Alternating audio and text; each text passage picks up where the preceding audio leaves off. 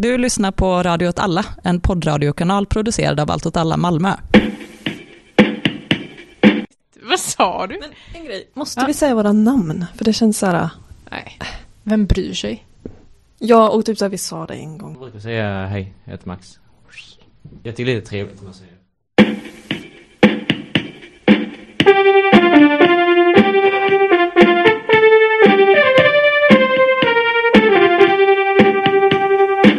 Okej. Okej då. Ja, nu har vi eh, bråkat i eh, en halvtimme om vi ska säga namn eller inte. Nej, jag skojar. Nej. Hej och välkomna till Jord åt folket-podden avsnitt två. Välkomna.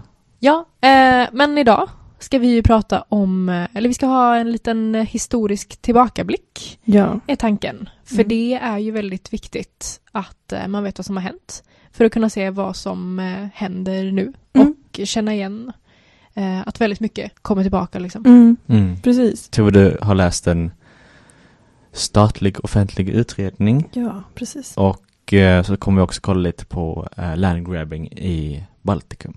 Mm. Mm. Men eh, vi börjar med baggböleriet. Mm. Det är ett väldigt underligt ord som kanske inte är självklart vad det betyder. Mm. Eh, men det, eh, det kommer från första början från en eh, by i eh, Västerbotten där det var ett eh, skogsbolag som eh, hade fuffens för sig. Mm. Typ. Jag tror det var på slutet av 1800-talet, typ 1860-talet. Jag Ehm, kan kolla. Oj, det var redan 1840-talet. Okej, 1840-talet då. Ehm, det vi kommer prata om idag, när vi pratar om baggböleriet, är eh, mer generellt typ skum verksamhet inom skogsnäringen. Eh, och lite mer konkret att skogsbolagen köpte upp väldigt mycket mark av bönder i främst Norrland i slutet av 1800-talet, men också Dalarna va? Och Värmland. Det var också spekulation och ja, baggböleri på skog också längre söderut. Men då var det, vad jag förstår det, oftare eh, enskilda spekulatörer runt bolag. Mm. Även det också var bolag ibland. Ja. Men det här med baggböleriet då, när det eh, begreppet myntades, eh, då var det en klan, typ klanen eh, Dixon, som höll till i Göteborg. Kom från södra Skottland ursprungligen. Ja. Och reste ända hit för att ta skogen i Göteborg. Men så räckte inte den till. Och då så började de liksom leta sig in i norrländska skogarna. Mm. Och, Kan jag säga också att det, anledningen var för att eh, ja, men den stora industrialiseringen då i Storbritannien när de behövde jättemycket timmer då till dels kolgruvorna eh, men också till till exempel eh, järnvägen. mm. Så krävdes väldigt mycket och ja, Storbritannien har inte så mycket skog. Nej. Och det är ju så det fortsatte i Sverige också, att det var, alltså bruken behövde tillgodose sina behov av virke. Liksom. Kan jag också säga att eh, på andra ställen eh, längre söderut i Sverige, till exempel i Bergslagen eh, med gruvverksamheten där och till exempel eh, glasbruken också som också behövde väldigt mycket skog så hade ju redan de här bolagen redan köpt ganska mycket skog Mm. eh, på vissa delar då. Så att där Mm. var liksom skogen redan avverkad i princip. Ja. Men baggböleriet var ju en ganska liksom, smutsig, eh, ett smutsigt kapitel i det här. Mm. Att eh, det var väldigt oschyssta metoder som skogsbolagen köpte upp marken. För det var, som jag förstått det så var det att innan var det mer eh, statlig skog, eller kr- kronoskog typ. Mm. Eh, Så kronan hade sin skog och skogsbolagen fick lov att avverka av den. Men det var ganska begränsat hur mycket de fick ta typ. Mm. Och just för att man ville väl främja bruken. Så då gjorde, genomförde man reformer som gjorde att det blev mer privatägd skog. Alltså bönderna ägde marken själva. Eh, kanske inte var en direkt koppling, men det var i alla fall att skogsbolagen gynnades ju av det, för då kunde de göra affärer direkt med bönderna istället. Och det var inte lika, alltså då kunde de köpa upp en hel, alltså avverkningsrätten på den i många, många år framöver liksom. Ja, precis. Och vi- bönderna som då precis hade fått den här skogen, de visste ju inte alls vad skogen var värd. Så att Mm. de visste inte alls vad de, vad hade varit rimligt att, Nej. att få, Mm. få ut av det liksom. Nej. Och ibland kanske de visste det typ, men att de ändå inte fick det de hade Ja. blivit lovade. Alltså det var Mm. väldigt fula Mm. metoder. Ja, verkligen. Till Mm. exempel, de skulle få 30 000 men de fick 5 000 till exempel. Eller så liksom drog de ut på processen så länge så att bolaget hade ombildats och fanns inte i sitt, sitt gamla namn. Så kunde de bara lägga ner hela grejen. Men var inte statens narrativ också då att de ville att landsbygden skulle liksom brukas typ mer Jo. i större utsträckning och att det Mm. var deras skäl till att ge tillbaka skog från kronans ägo till Mm. böndernas ägo. Liksom. Ja, men, eh, Men vad sa du om Dixon-klanen? De kom hit från Skottland. Och... Ja, alltså det var väl de som, för de blev dömda då för att de hade ja, men, Mhm. olovligt avverkat statens eh, skog innan de här reformerna gjordes. Eh, och efter det så började man kalla allt sånt här lite skumt eh, inom eh, skogsnäringen liksom för baggböleri. Mm. För att det skedde i den här byn i Baggböle. Ja, det är, det är en by alltså som Ja. heter... Mm. Ja, så de hade liksom avverkat statens skog utan att de hade fått tillåtelse till det. Mm. Eh, Verkar som, också som att de gjorde det en gång till sen på 60, 1860-talet. Jaså ja. Så att, eh, mm, Ja, de fick inte nog. ja, nej. Men det var ju också att just när det här hände, att många bönder sålde sin skog eh, till bolagen, så var det också att man typ började importera mer mat till Sverige och de blev ännu mer beroende av sin skog egentligen, för de kunde inte eh, livnära sig som, alltså på att odla på samma sätt. Så det blev som en dubbel eh, krasch typ. Mm. Plus att det här med baggböleriet också påverkade ju jordbruket väldigt negativt. Till exempel när de använde alla åarna som flottningsleder så skadade de ju dels fisket jättemycket. Uh, dels också um, ängslottret äng, äh, längs med uh, åarna som var Mm. väldigt rikt slotter och väldigt viktigt. Det blev jätteskadat. Mm. Uh, också såklart när man avverkade um, så här kraftigt så skadade de ju också um, skogsbetet för boskapen. Mm. Plus det är bara att um, när bönderna då inte längre ägde sina skogar ä- eller sina gårdar för när de köpte skogarna så följde ibland också gårdarna med. Mm. Så då blev då bönderna som tidigt varit självägande blev ju arrendatorer. Mm. Eh, samtidigt som de ofta blev skuldsatta på grund av den här eh, olika kreditsystem liksom ehm, och sånt så att då var de tvungna att jobba istället. Ja, det var ju också jordbruket. ja, och det bidrog ju ytterligare att under den här tiden så pågick också skiftesväsendena. Så det var ju många, alltså om man var en bonde som inte hade råd att betala för den här skifteskostnaden eh, för att flytta hela sin gård, typ, ehm, så var det ganska smidigt att sälja sin gård till skogsbolagen. Eller att man hade någon slags deal att skogsbolagen kanske stod för skifteskostnaden om man gav dem halva sin skog. Ehm, men problemet med det var att om man bara hade halva skogen kvar så var man inte, alltså man var inte självförsörjande längre, liksom, utan då var man inne i den här, ja, men det här kreditsystemet till skogsbolagen. Typ. Så mer än en inte så smidig lösning utan mer typ ett Alltså man hade inget annat val typ. Mm. Mm. Tingsrättstvång alltså.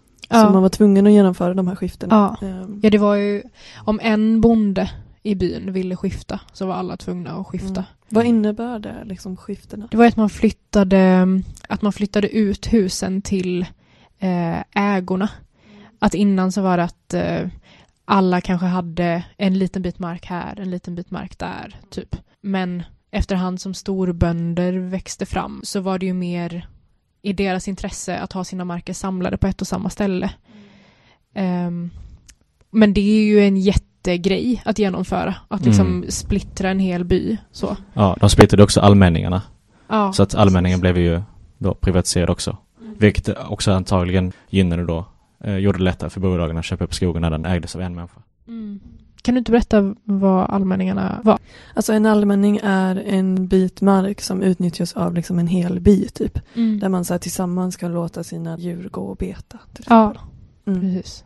Och det försvann. Liksom. Mm. Och det upphölls ju på genom så sociala typ, strukturer och normer. Typ att så här, man ville inte, eller jag tänker på så här, den här myten om allmän, alltså allmänningarna, typ att det inte är någonting som funkar i, på grund av att är det en resurs som delas så kommer någon person överutnyttja den resursen. Typ så här, det är typ så här, ligger i vår natur att göra så. Mm. Men det upprätthölls ju för att folk inte ville liksom bli, man ville vara omtyckt i sin by liksom och i sitt sammanhang typ så att man gjorde inte det. Mm. Ja, man, man kunde inte heller för det fanns ju regler. Ja, Mm. Alltså de hade, det fanns ju kontroll. ja och Sån här- konsekvenser ja. liksom. Allmänningens tragedi, det är ju bara en myt. Den är motbevisad till och med. Ja, precis. Det, men det, den Jag ville bara folk. nämna det för det känns som att det är typ är det generella, eller så här, det vedertagna narrativet att så här, det funkar inte med Mm. allmänningar, men det gör det ju. Ja, men det är ju liksom exakt tvärtom. Eller här är ju ett historiskt bevis på det. Att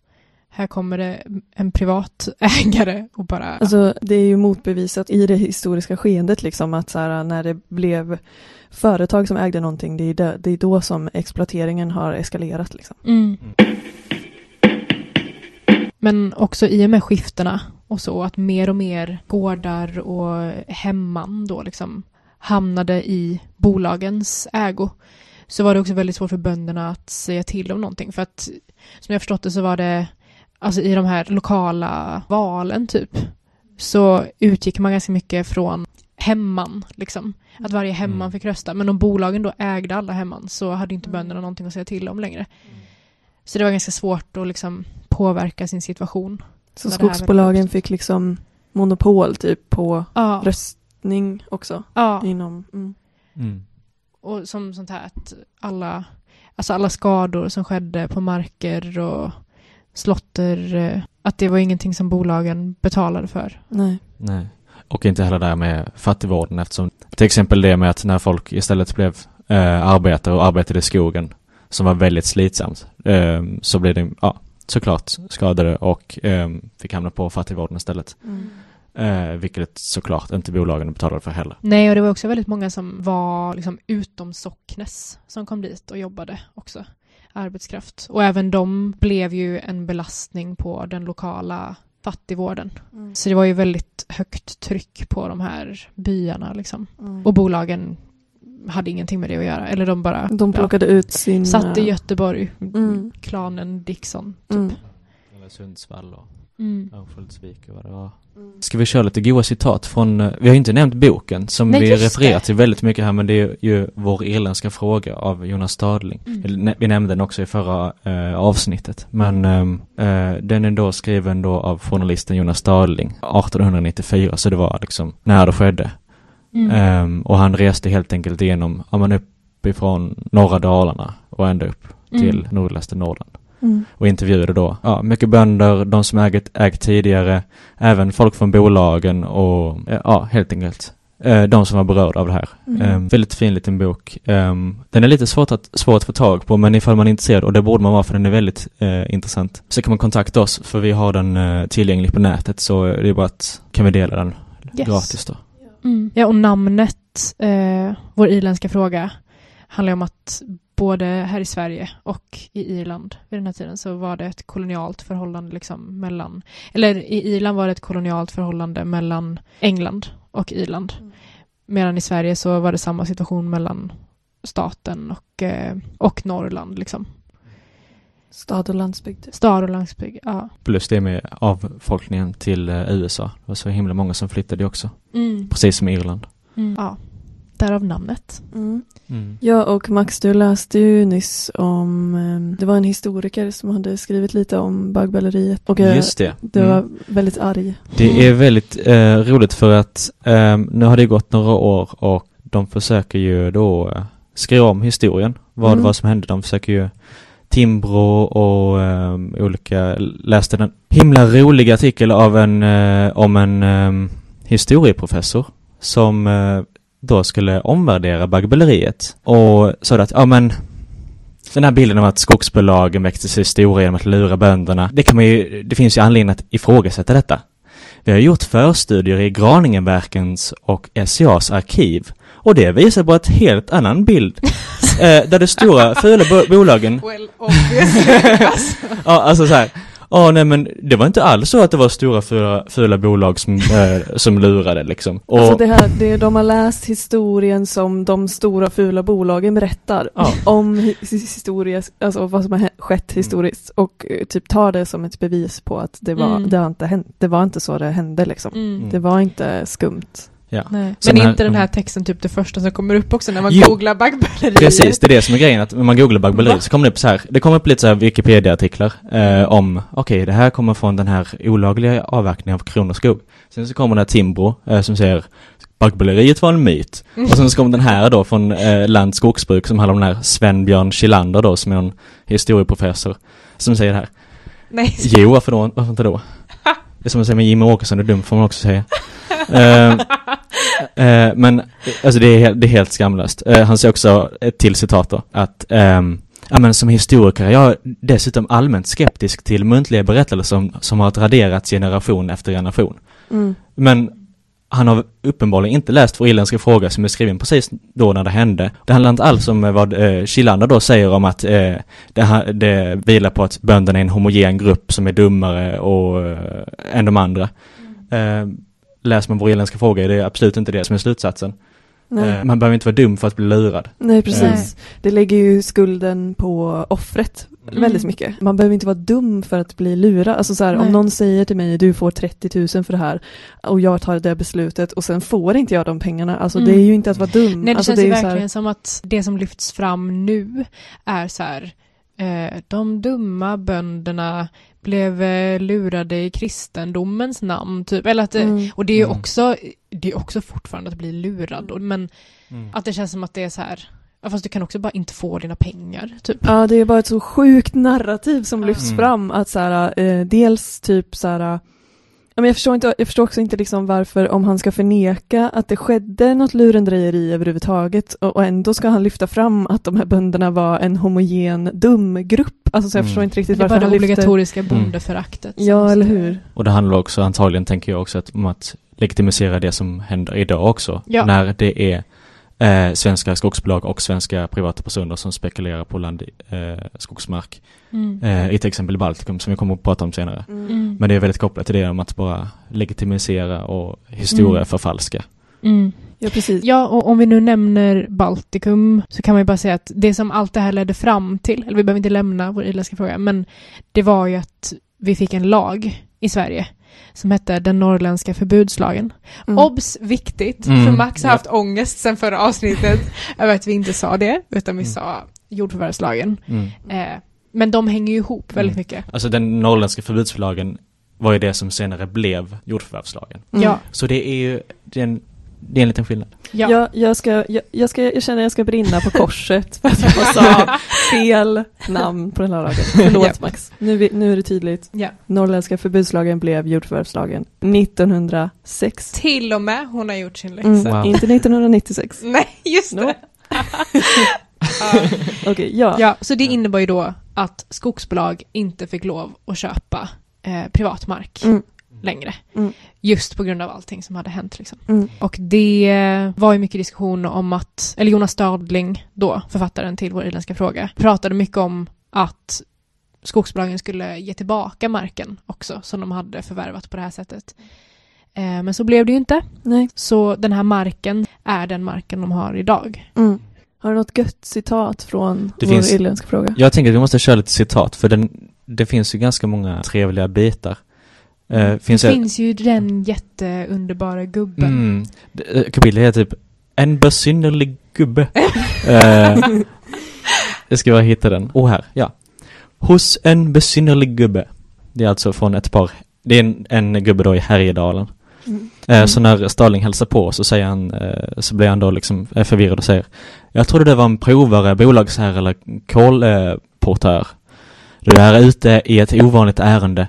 Det kan nog vara bra att framställa för allmänheten och regeringen hur det står till här uppe. Men jag tror ej att ställningen kan ändras till ett bättre. Det är för sent att snyta sig då näsan har gått av, brukar vi säga. Alltså den är så... Starkt. Han är väldigt, han är väldigt retoriskt bra. Mm.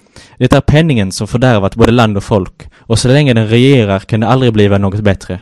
Förr i tiden, innan penningen kom in och blev envåldshärskare, levde det lyckligt, men nu har allting gått till, till fördärv. Folket var arbetsamt, ärligt, vänfast och förnöjsamt. Vi hade duktigt med boskap, i floder och sjöar var det gott om fisk och i skogarna rikligt med villebråd. Eh, sen så pratar han massa om djurplågeriet i skogarna. Ehm, som var räligt. Ehm, och sen fortsätter han då. Efter några ögonblicks paus kom åter penningen på tal. Nej du, genmälde gubben till några av mina anmärkningar. Penningen är ej blott ett bytesmedel, den är ett lockbete, ett garn varmed människorna fångas och föres i fördärv, en kedja som binder dem i slaveri, en pump varmed deras hjärteblod utsuges. Ett hostanfall avbröt ånyo den gamle av rörelse vibrerande röst och han lutade sig ner på kudden, men han reste sig snart och fortsatte. Alltså han är så on fire verkligen. Han bara, jag är döende men let me just. Vad är det som lockat eller nödgat vårt folk till att sälja sin skog, sina hemman, sin frihet och mig penningen? Hur har det gått med de pengar de fått? Jo, de har gått åt för skräp, som förstör det yngre släktets tänder och magar, ja, även deras förnuft, och sedan hafar vi bankerna som suga och fräta dem in på bara benen. Och det lär ofta vara samma herrar som äger både bolagen och bankerna. Och så lönkragarna som skaffar staten inkomster och folket vill så ha det. De klagar och jämrar sig, men då jag säger låt oss återgå till det gamla och försöka hjälpa varandra utan att anlita bolagen och bankerna, så vända dem i ryggen och gå till skogen och bolagen och låta jorden förfalla och söka äta upp varandra. Men min tid är snart slut. Mina ögon börjar bli skumma och jag är glad att snart slippa se allt elände. Och den gamle lade sitt huvud och nio ner på kudden med en tung suck. Gubben! Gubben! Gubben. Åh!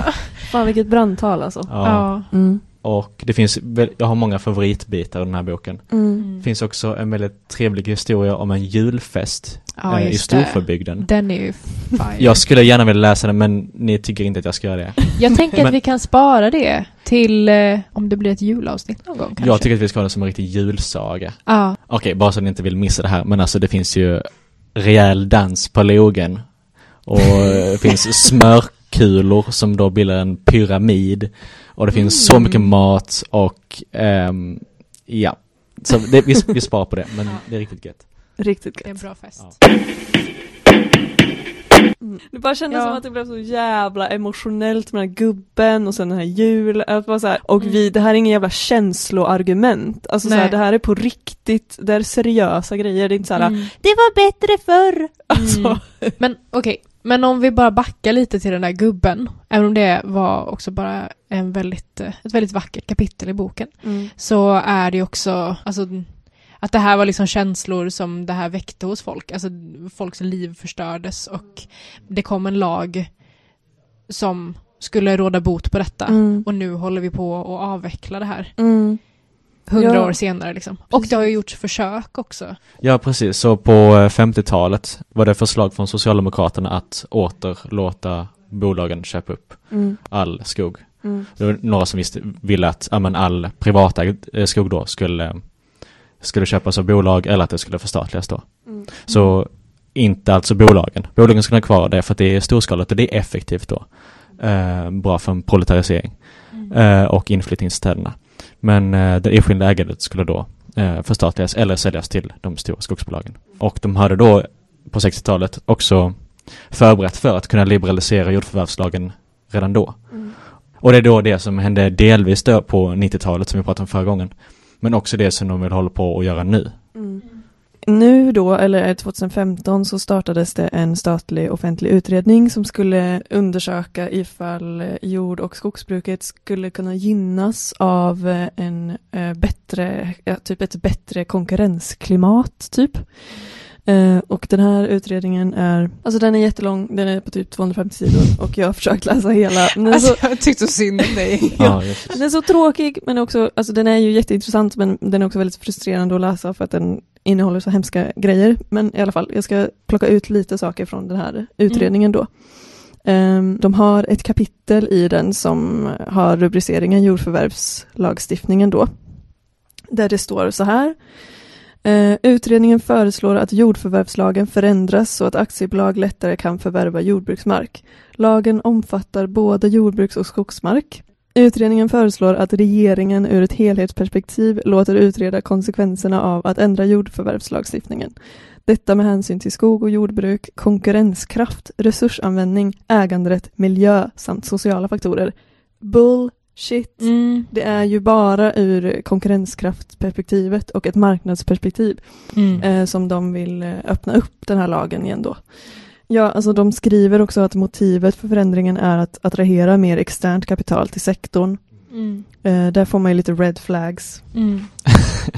Eh, och de tar också upp att syftet med jordförvärvslagen är att liksom bibehålla en koppling mellan liksom marken och ägaren av marken eh, till bygden. Liksom. Att det var syftet från början då. Mm. Eh, och att de säger också själva att den här kopplingen skulle kunna försvagas om aktiebolag fick eh, förvärva mark. Mm. Och ett, en annan möjlig konsekvens är att markpriserna eh, kan stiga till följd av att fler har rätt att förvärva mark. Eh, och de säger detta skulle i så fall försvåra ytterligare för personer utan betydande eget kapital att starta nya jordbruks och, trädgårdsföretag. Mm.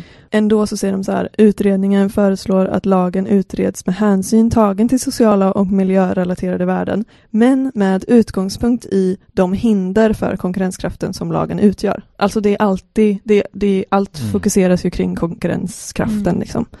Eh, så att de nämner ju, de nämner ju de här sakerna, men det är som att de, alltså De det, bara, ja, ja, ja, ja. men de ja, säger, ja. nu har vi sagt det, Mm. vi visar att vi förstår det, Ja. det spelar ingen roll dock, för vi kommer fortfarande fokusera på marknaden och konkurrenskraften. Liksom. Mm. När det gäller kemikalier och arbetskraft så vill de liksom att, att vi ska eh, sätta oss på exakt samma nivå som inom andra EU-länder, typ, att, typ Spanien, att det finns billig arbetskraft där. Mm. Och att så här, de, alltså det är väldigt så här byråkratiskt språk som är ganska så här intetsägande, liksom. Mm.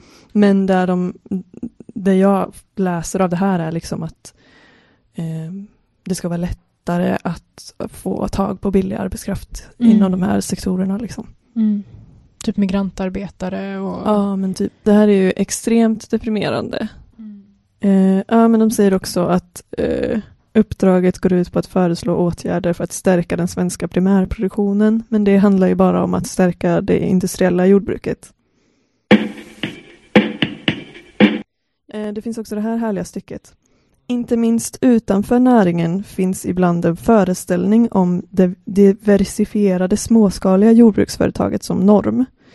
Eh, företagen är idag organiserade på olika sätt och är olika stora. Man bara, Ja, okej.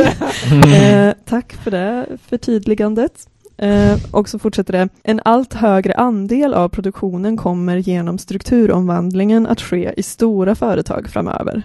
Alltså, det här, alltså förstår ni hur sjukt det här språket är typ? Alltså Mm. det, det är liksom, de, de ger ingen bakgrund, de ger ingen kontext. Eh, de följer inte upp sina uttalanden heller. Liksom. Det är verkligen så här nominalisering. Att Mm. det bara är så här Mm. en osynlig kraft som liksom... Ja. Det är också så här att de formulerade så här att det är en in, alltså utanför näringen finns det en för, ibland en föreställning om ett, alltså, småskaliga jordbruksföretaget som norm. Det är inte en föreställning. Det, alltså, det, eller så här, alltså små jordbruk, familjejordbruk eh, försörjer ju, alltså globalt står de för 70 procent av eh, matproduktionen. Liksom. Mm. Det är enligt FAO Mm. statistik.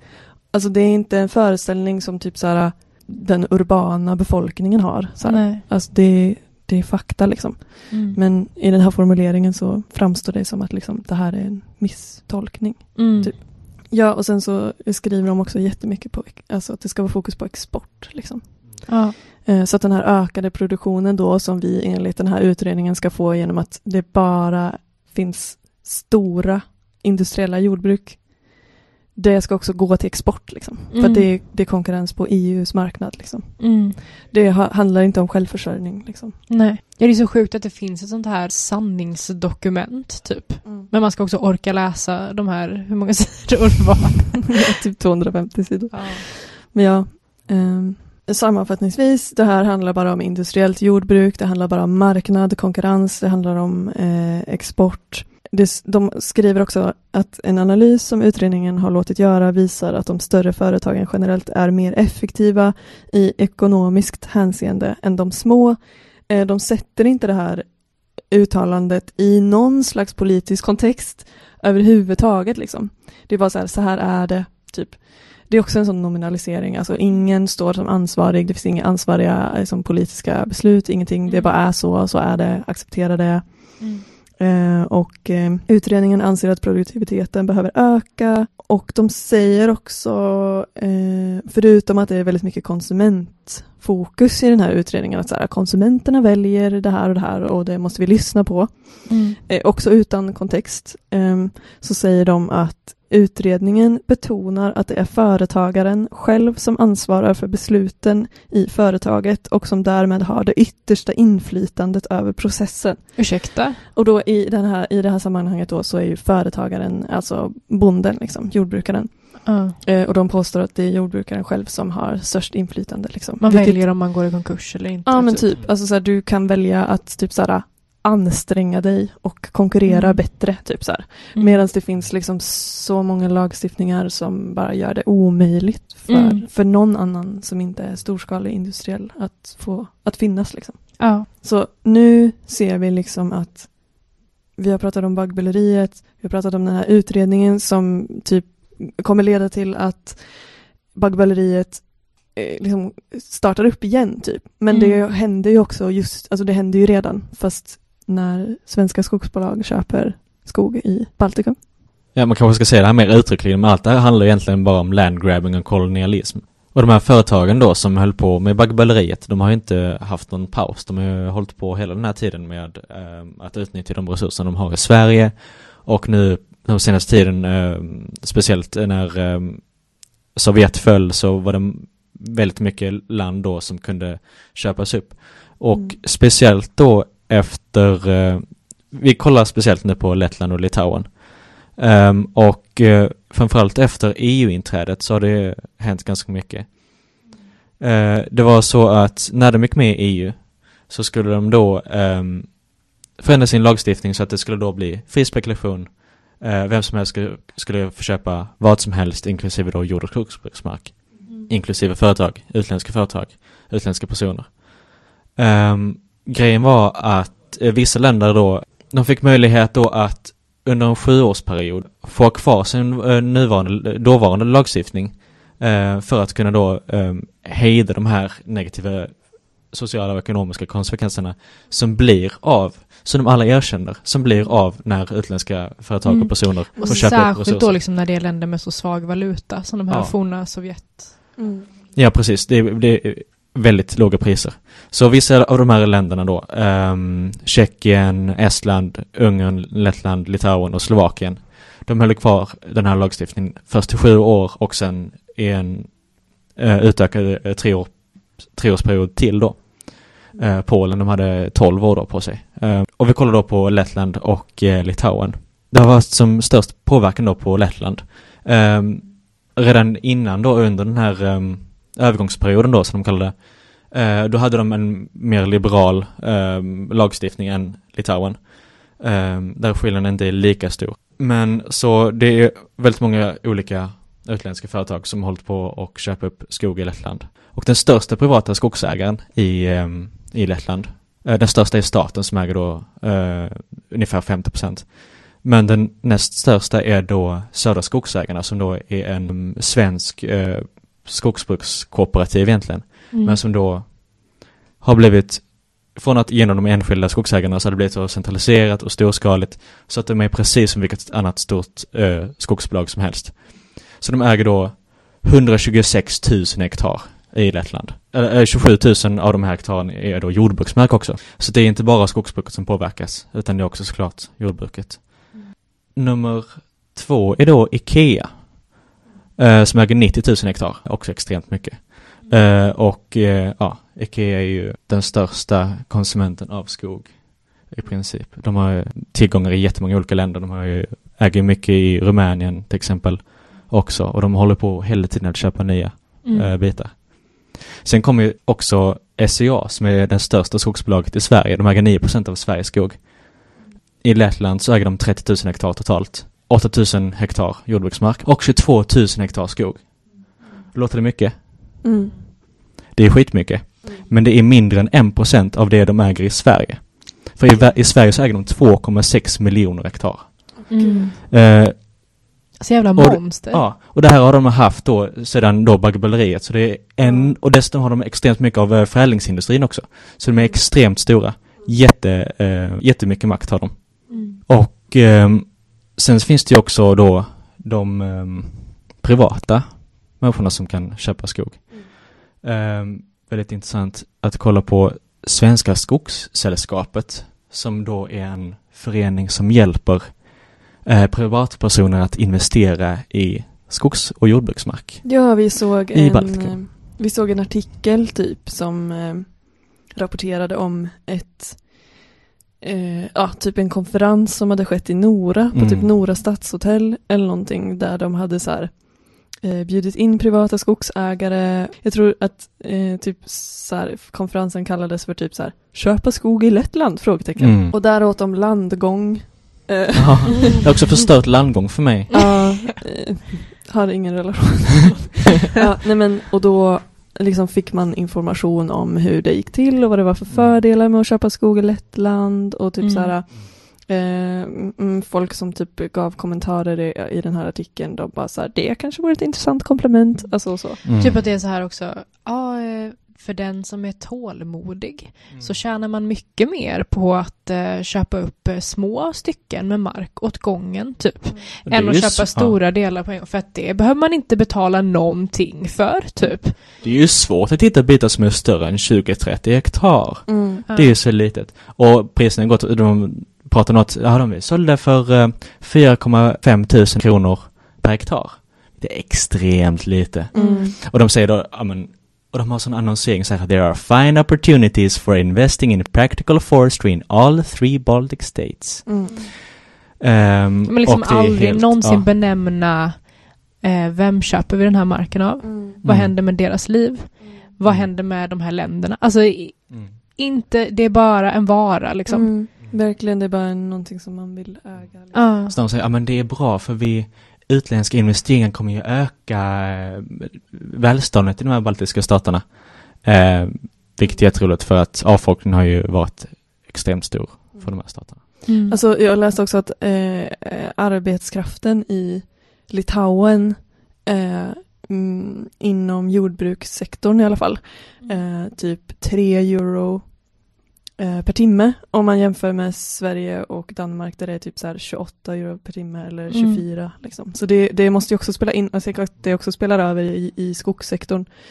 Eh, att det också är ett motiv till att eh, investera i skog i, Ja. för att arbetskraften är så billig.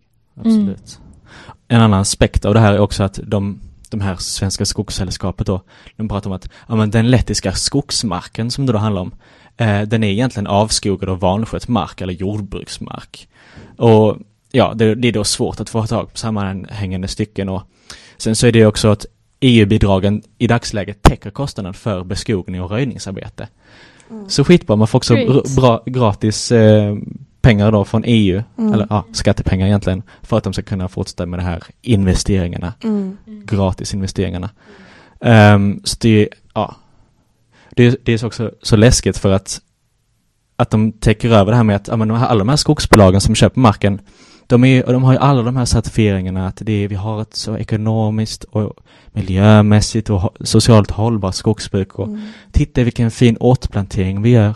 Det är, det är ju ingen, eh, det är ingen avskogning. Mm. Nej det är det inte. De köper ju till exempel eh, jordbruksmark och planterar den. Mm. Och sen så, så säger de då att det är liksom ett miljöarbete. Så att det blir också liksom, det blir lite maskerat liksom och det är, jag läste olika artiklar om det här och vissa säger att det är liksom, kallar det eh, då för gentle land grabbing. Eh, för att det då inte är liksom den här vanliga direkta miljöförstöringen som, som det brukar vara Mm. när det handlar om land grabbing. Eh, men läste då i en artikel som handlar om att ja, det är det som sker i Lettland nu, det är en gentle land grabbing.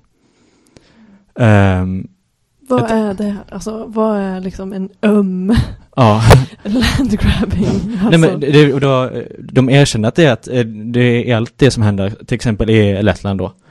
Ehm, det är värst längst i öst. Ehm, I de två ehm, kommunerna längst i öst så ägs 50% respektive 40% av utländska um, skogsbolag. Mm. Sen tillkommer då att staten också äger skitmycket. Mm. Ehm, och de äger också väldigt mycket av jordbruksmarken.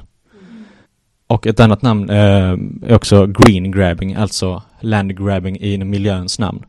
Eh, och det är precis det de försöker måla upp det så här att, men vi, eh, det här är bra för miljön för att nu för- ökar vi liksom, eh, ja, ja den stående volymen av skog i, eh, i skogen och så vidare.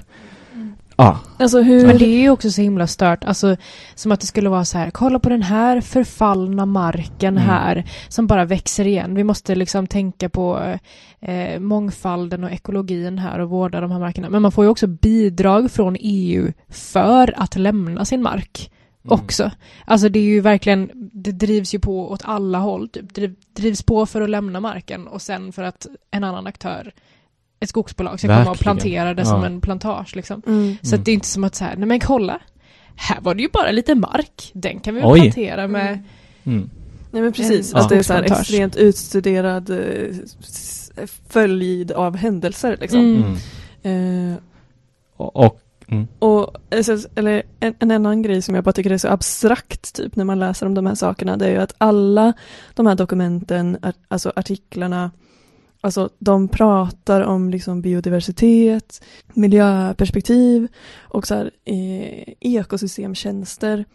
Det här är saker som, alltså, men det är också något som man ska tänka på så här, medans man gör en ekonomisk vinst. Liksom. Mm. Ja. Jag, jag, jag köper inte riktigt att ekosystemtjänster kan ha ett egen, alltså det har ju inte ett egenvärde när, när det samtidigt sker ett uttag av en vinst. Liksom. Nej. Eh, så fort det blir mer ekonomiskt eh, motiverat att inte ta hänsyn till miljön, då Mm. gör ju ingen det. Nej. Liksom. Mm. Sen tänker jag också delvis att man inte alls heller ska ac- acceptera den här bilden att det skulle vara en green eh, land grabbing. För att det är ju precis, det kommer ju ske det precis som det händer i Sverige med en väldigt mer homogen skog. Mm. Eh, där då är de mest lönsamma eh, skogsarterna, träden att, eh, att eh, bruka på ett visst sätt med vissa maskiner. Eh, ja, väldigt likformat då. Och det hotar ju såklart biodiversiteten för att Ja. det är ju inte bra med homogenitet. Nej. Mm. Och det är också därför, eh, delvis därför som, ehm, om vi då kollar på Litauen, där har de då eh, alldeles precis eh, gick eh, i kraft i år att de begränsar nya förvärv på skogsmark på 1500 hektar. Alltså, Det är inte precis lite, men Nej, de begränsar ju verkligen eh, det kan ju begränsa liksom så här markkoncentrationen i alla fall på ett, på ett sätt. Så det är ju inte, det är inte perfekt eller så. Men, eh, an- Men det bromsar, ja, liksom. Det var ju flera anledningar till det här. Delvis såklart de här sociala ekonomiska ehm, eh, effekterna. Men också för att, eh, på grund av biodiversiteten. För att de sa att det, det är ju inte bra för biodiversiteten när det är ett homogen, homogent och koncentrerat markägande. Mm. Mm. Eh, men det har ju såklart också redan hänt väldigt mycket i Litauen. Eh, inte lika mycket som i Lettland. Men eh, en del. Eh, Ikea äger 27 000 hektar. Ehm, och det finns andra, till exempel um, SEB genom ett annat företag, Silvestica, äger 14 000 hektar. Ehm, och eh, sen ser jag också såklart de här Svenska Skogssällskapet som gör så att folk kan, enskilda personer kan köpa. Så att, ja, ni behöver inte oroa er. Den här marken kommer bli köpt ändå. Mm. Kanske inte av bara Ikea, men andra människor. Ehm, på grund av att det är så väldigt lätt. Men även ifall vi skulle teoretiskt säga då att det blir bättre för miljön och skogen eh, med de här utländska investeringarna eh, så har vi alltid kvar de här långsiktiga konsekvenserna eftersom har man sålt någonting så är det sålt. Eh, skatterna och vinsterna eh, också mervärdet eftersom brukar också ganska ofta eh, bara exportera och förädla då till exempel i Sverige. Mm. Eh, så allting försvinner ju. Mm. Ehm, och ja, Baltikum har ju redan haft en väldigt stor avfolkning. Var det typ 17 procent sedan 90-talet. Ehm, och nu kommer det ju troligen bara fortsätta i och med att ja, möjligheten att bruka jord och skog blir bara ännu sämre. Ehm, och ekonomin blir också påverkad såklart. Och det är också det de uh, läste om vad jordbruksministern i um, Lettland uh, tänkte om det här. Att ja, nej, vi kan ju inte ändra på grund av ehm, på grund av EUs lagstiftning och så, men vi kanske skulle kunna gynna eh, lokalt ägande av eh, skogen ifall vi hade till exempel bra räntor från bankerna och så. Som till exempel 2% rän- ränta, då, det har de typ i Polen och det skulle ju nu vara bra. Men det kan vi inte göra för vi har för svag ekonomi.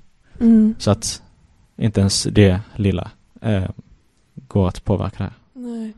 Eh, det här med liksom att när någonting är sålt till ett, alltså till ett företag, det går ju liksom, alltså det är, ganska, alltså det är lite svårt att greppa typ tycker jag. Eller så här, det blir ju verkligen att så här, det kan aldrig köpas tillbaka av folket liksom. För att Mm. folket kommer aldrig ha de här summorna liksom. Nej. Som eh, skogsbolagen kan ta då i, betalt för den här marken. Så det, Mm. det blev en, en sån eh, oåterkallelighet. Mm. Ja. Eh, alltså sammanfattningsvis då. Baggböleriet eh, skedde eh, och det slutade inte ske. Alltså Nej. det fortsatte ske i Baltikum till exempel. Mm. Eh, och nu så vill man också öppna upp för att det ska fortsätta ske i Sverige. Alltså på en Mm. högre skala. Liksom. Mm. Eh, jordförvärvslagen liberaliserades på 90-talet. Eh, man kopplade bort liksom att man behövde bo och bruka typ så. Man fick bo i, i utomläns. Eh, Mm. Och eh, nu så vill man öppna upp för också utländska företag att, eh, så att man, man driver på någon slags mm, liksom, det sker redan en slags kolonialism mellan liksom, olika kommuner, eh, naturresursrika kommuner och städer typ. Mm. Mm. Och nu vill man liksom, ja det vill man, man vill liksom eh, göra den kolonialismen större i skala genom Mm. att eh, tillåta Mm. andra länder att köpa mark i Sverige. Ja, och sen måste man kanske också förtydliga att jordförvärvslagen, precis som Lettland inte kan skydda sig mot EUs lagstiftning, så går ju jordförvärvslagen direkt emot EUs lagar. Så egentligen så, alltså den nationella lagstiftningen har ju ingenting på EU. Men än så länge så är det ju mer gynnsamt att köpa mark i Baltikum, eller mer ekonomiskt lönsamt liksom. Eh, Men om det skulle komma något företag någon gång och vilja köpa mark i Sverige så hade de ju lätt kunnat dra Sverige framför EU-domstolen. Och liksom. Men det är väl inte vem som helst som vill göra det för att det kostar massa pengar Mm. och eh, man kan lika gärna köpa mark någon annanstans. Mm. Mm. Men Det hänger Eller- på en skör tråd alltså. Ja, Mm. det kan verkligen hända Mm. när som helst. Ja, och sen är det också viktigt att man har ett globalt perspektiv på det här. Att den här landgrabbingen sker överallt. Alltså Stora Enso äger massa mark i Brasilien och SCA har mark i Portugal och ja, gud, stort ämne. Mm. Men ehm, vi kanske måste runda av Mm. lite grann. Mm. Det finns ju mycket mer att säga men det får vi ta en annan gång. Mm. Ja. Men ja, tack för idag. Tack för idag. Tack för att ni har lyssnat. Ja, tack så mycket. Hej då. Hej då.